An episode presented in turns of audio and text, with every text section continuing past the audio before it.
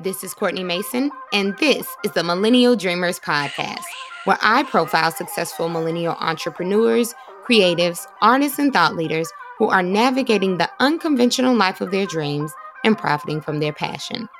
I also share inspiration and career tips to help you take the leap of faith and go after your dreams.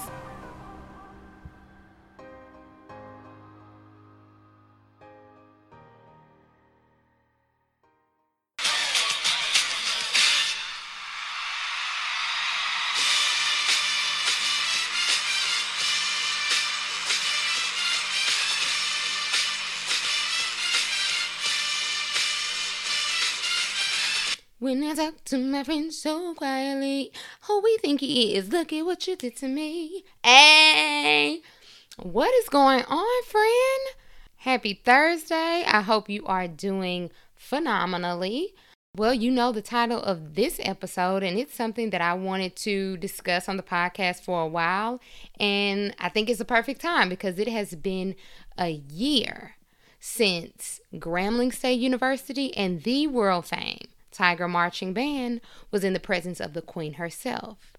And that Queen is none other than Beyonce Giselle Knowles Carter.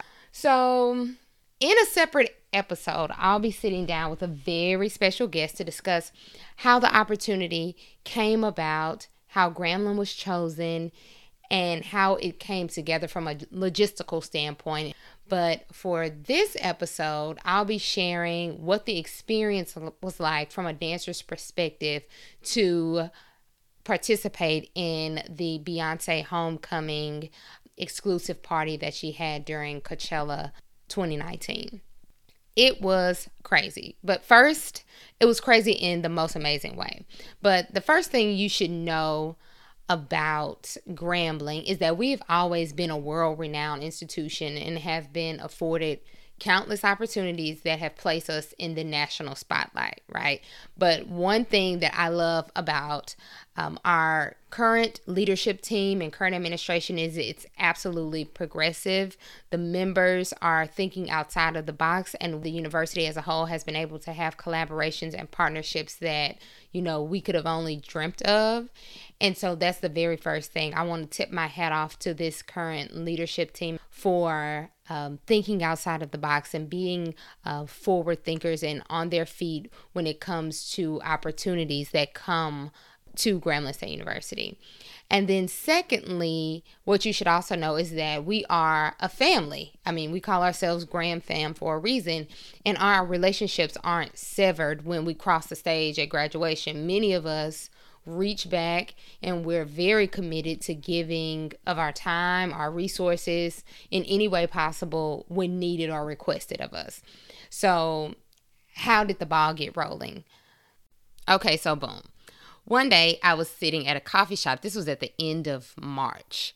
And on the weekends, I'll usually go to coffee shops to kind of get out of the house and do the work, whatever work that I need to get done.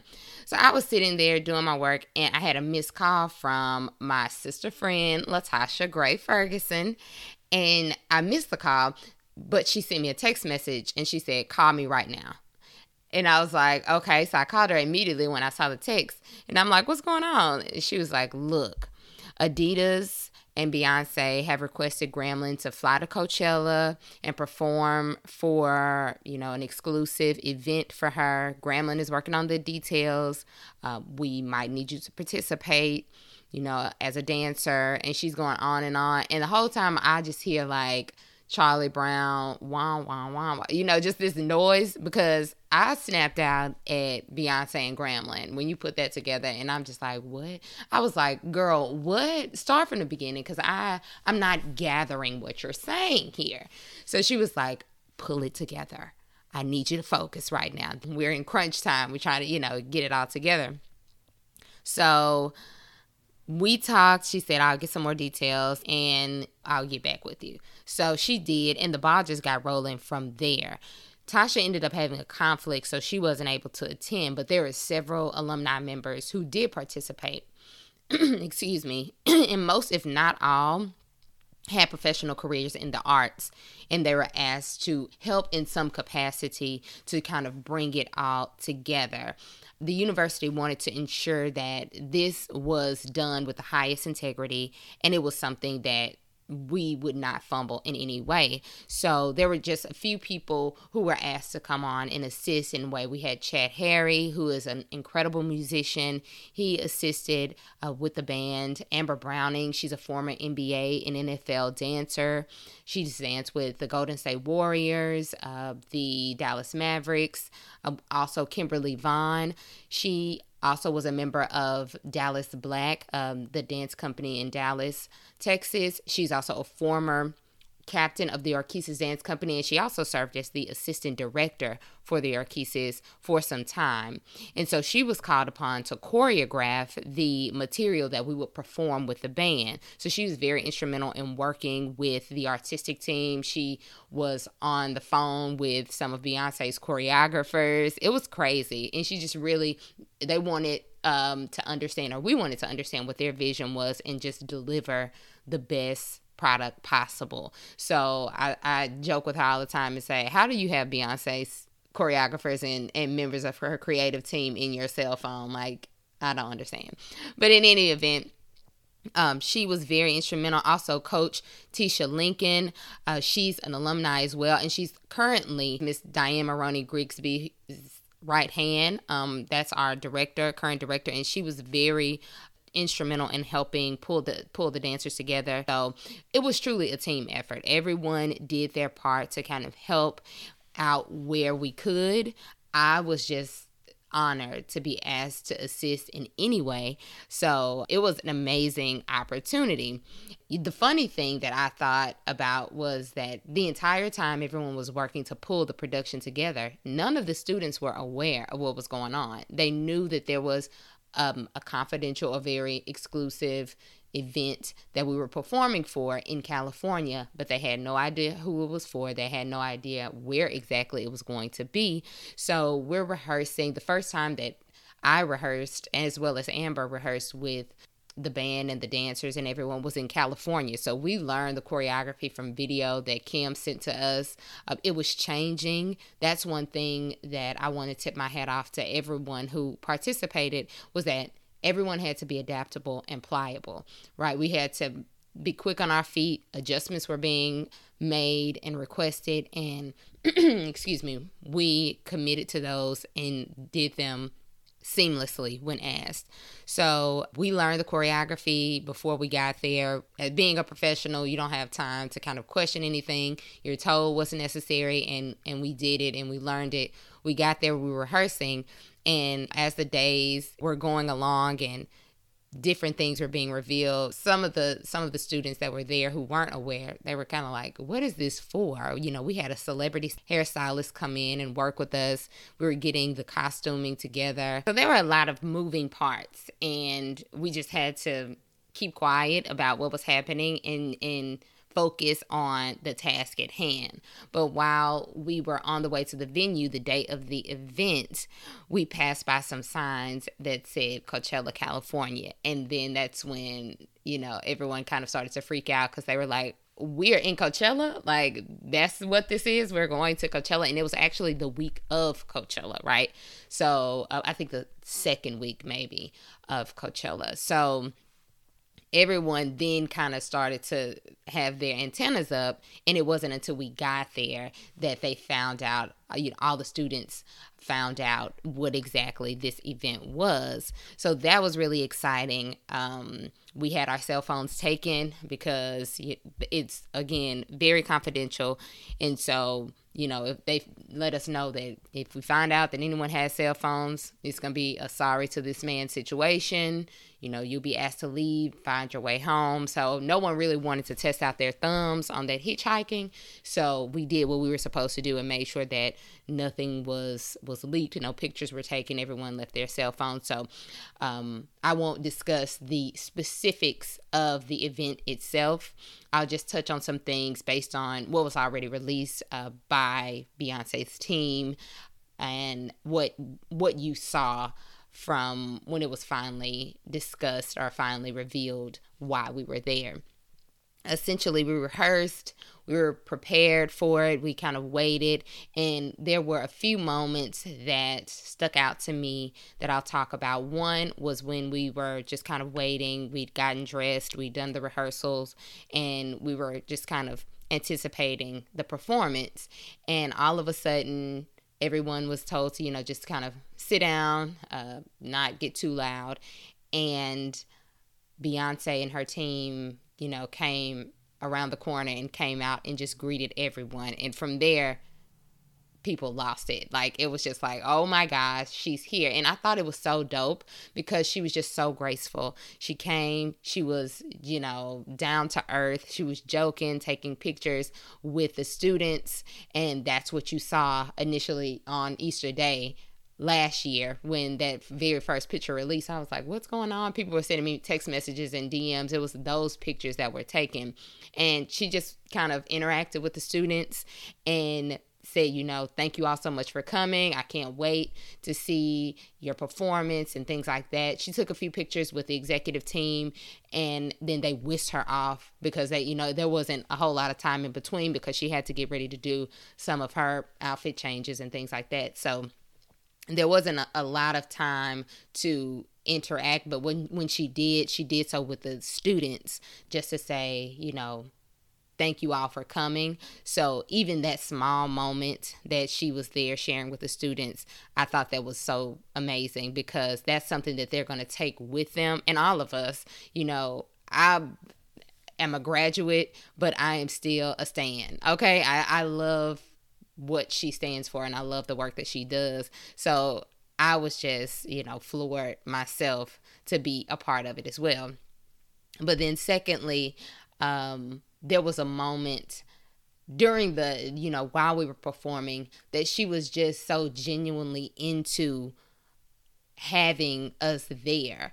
And you can see it um, as a whole. You know she loved the band's music the selection of the songs that were chosen.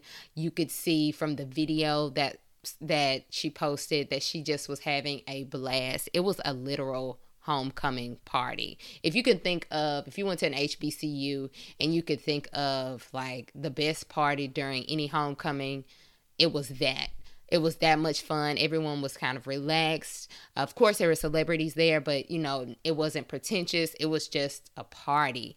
And everyone got to just enjoy that. After we performed she was like you know loving everything that was happening. So that was also a moment that that really touched on all of us. It was like we did all of this work and who it was for she appreciated it and her team appreciated it and everyone that was there um, enjoyed it as well and the very last thing that stood out for me was one that you know i'm i'm gonna keep close was at the very end you know we were all after the party was over and the guests were leaving the venue i mean it was a massive structure that was just like her team man they pulled some things together quickly and it's not just thrown together. Like they can create an atmosphere in a matter of hours that looks like where did this come from? Like I mean, it was it was amazing to see but everyone was kind of leaving the, the, venue the open area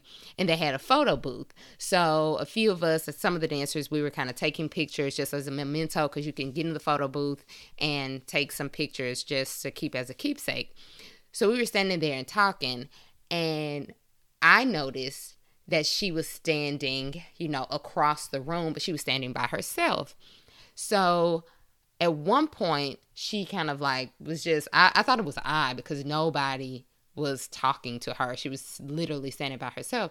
So she just was kind of like looking around to her left and her right. Then she looked over at us. So, me, being me, for whatever reason, I did one of those things. You know when you see your friend across the room and you like, "Hey girl, over here. Come here. Come come come over here, girl. We over here." I did one of those things. But not to my friends though. To a literal like global icon. And it was like just second nature to me to do that. And she like looked for a moment, kind of like she looked around to see if anyone was paying attention and then she did like a little jog like oh let me go run over here talk to the girls i was like excuse me what like so i beckoned for Beyonce Janelle, Giselle Knowles Carter to come talk to the girls. And she came and talked to the girls. I was like, bro, what is happening? So she came over and she was like, "Oh my gosh, you guys did so good. You know, we absolutely loved it. I, am so proud of you. Keep doing what you're doing." She just had so many great things to say, like her voice, how she sounds on television is how she sounds in real life. Um, and I was just like, man. So there is a a picture somewhere of all of us there was because there was a photographer who just so happened to be in that same area we were standing when she came over. So, you know, I have a picture somewhere on Al Gore's internet with my arm around Beyonce and, you know, cheesing and, you know, all of the dancers we're together huddled up with her. And even though I might not ever see it, you might not ever see it, but I know it's there and it happened. And I can replay it in my mind. I can tell the story. And uh, it's one that's that's mine and that I will keep with me. So I want to thank Grambling State University. I want to thank every single person. Uh, Martin Lemelle specifically, he is. I, I tell him all the time. I, I, he's the Oliver Pope of Grambling State because he he's just such a tremendous um, asset to the executive team, and he, along with everyone else, just kind of make things happen quickly, efficiently, and he does what needs to get done. So I just want to thank everyone who allowed us to, to be a part of it um, and uh, just say that if it looked like it was the best time that we all had, it was the best time that we all had. Um, we have memories that we probably won't discuss on public platforms, and I won't, you know, disclose anything that will um, be outside of the realm of confidentiality and exclusivity. But I did want to share those moments with you because so many people have asked, like, why haven't you talked about it? But I thought this was the perfect time since it's been a year um, since this all took place. So, thank you again to Adidas. Thank you again to uh, Parkwood and everyone who made this all happen. Um, you are the real MVPs. And um, I think that's it. I think that that wraps up the story. So, happy Thursday. I hope you are, are doing um, a Beyonce dance in honor of this episode because I know I'm going to hit end and I'm going to hit the choreography from the Homecoming um, Netflix special. So, without further ado, y'all have a great one. Peace.